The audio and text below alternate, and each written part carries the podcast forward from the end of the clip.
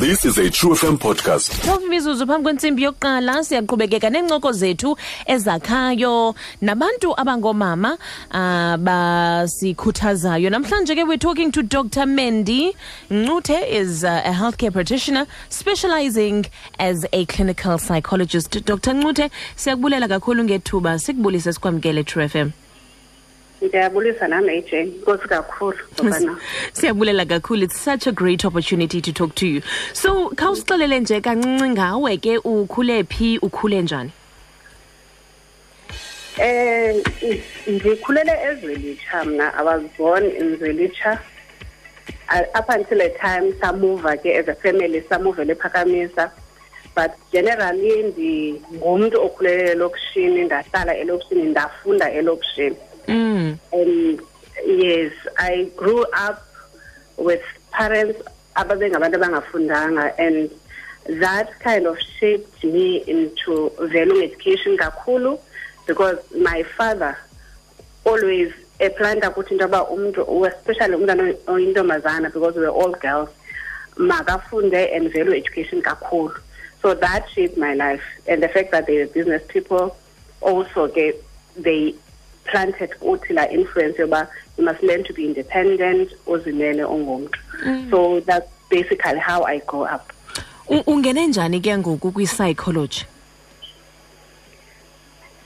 I, I like to believe AJ uba psychology found me and i-psychology nje ndandifanele uba i- i- i- i- i-line endiyilandelelayo.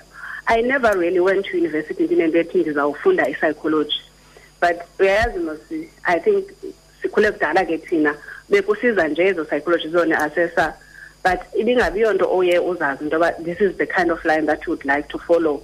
But when I got to university I think by chance amongst the courses ndazithathayo ndathatha i-psychology mm. so i happened to do well kwi-psychology and ndayithanda as well I- i-course content yayo yaba yinto enomdla kum the start of human behavior yayizinto ezintshamos ezo kum.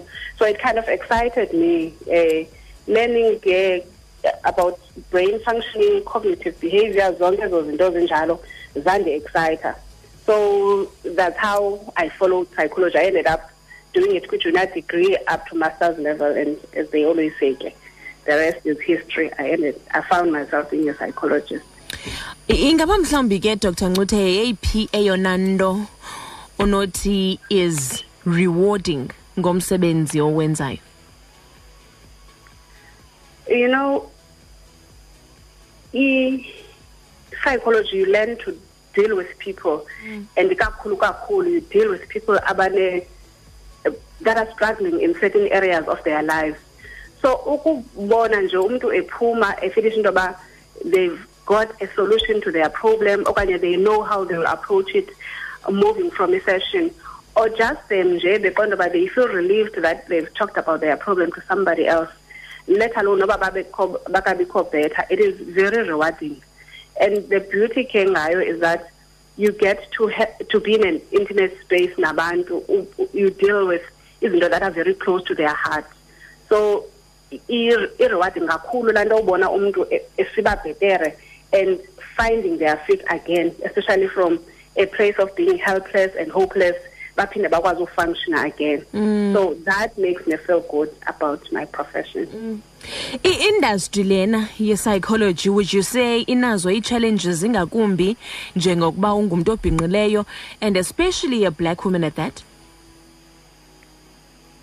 I would say generally, mandiqale ngogeneral, i-psychology is still a white dominated profession. So I think i-challenge ke loo nto nje kwayona kunzima ukungena kubantu abamnyama ku- kule field. That is why you would find there are very few psychologists nje generally. And as females, I don't think there's just ukhona stereotypes ezingamandla. When I started then, zazikhona, that was about 13 years ago. Zazibakhona ezanto zoba, especially males, that umuntu, hi, I'm looking for a male psychologist. I can't speak to a female. But it has somehow changed with time. You know, abantu aba abasenazo za stereotypes anymore. You people now feel comfortable with i-psychologist noba yeyiphi na igender that's what i've realized this time so you don't really feel like because you're a female mhlambi uyasidelinwa Mm. I think my biggest concern has always been psychology is white dominated. Yeah. Um, and I we would love generally to see more black people come into this space of psychology. Mm. Uyithethile into into yobana utatakho benefuthe kakhulu uh, in you getting an education and you being taught the value of an education as a girl child. Wayithetha nento into yobana nikhula ningabantwana abangamantombi kokwenu. Um ungabala abaphi ke? Um which other women abaye bane-influence eh enkulu ebomini bakho in a positive and constructive way I've, I've always been fortunate. I regard myself as fortunate because I'm surrounded by strong women and I'm surrounded by women aba influence ubomi bam positively. Starting from home, Umama Mje, I regard her as a very strong woman. She was always there taking care of us when my dad was not around. My younger sister, I, I, I look up to her. I think she's a very courageous and strong woman as well. And I've met quite a few in my profession, like Professor Jomo, who influenced me when I was doing my PhD and encouraged us to, to, to, to, to study and that we can make it as, as black girls. And that has always, you know, yeah, imprint lanje into yoba njengabantu abamnyama, especially in this profession, we can make it. And maybe lastly for me, I'm surrounded by friends who I regard as strong women, aba impact ubomi in a very positive manner amongst them Eugenia Kula, my friend, I think Un- Unata and Zina George, they are my friends who influenced my life in a very positive manner. And I view them as very strong women, yes. Mm. Ukuba ke ungakhuthaza umuntu omtsha omameleyo ngoku I know that it's Women's Month and a lot of strong important influential and successful women like yourself are getting platforms to encourage aba balandelayo abaza emva kwenu ungathini kumuntu omameleyo ngoku uh, this Women's Month as your message of encouragement I just want to say to every black girl listening right now, I want, I, I- believe that as a black girl, you have what it takes to make it. It just needs, it, it will just take you believing in yourself. So I am saying, black girl, you can do it.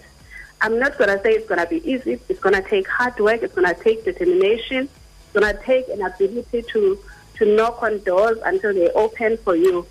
It's going to take an ability to rise each time you fall. But if you don't remember anything that I say to you, I want you to remember as a black girl, you can rise and that you can do it.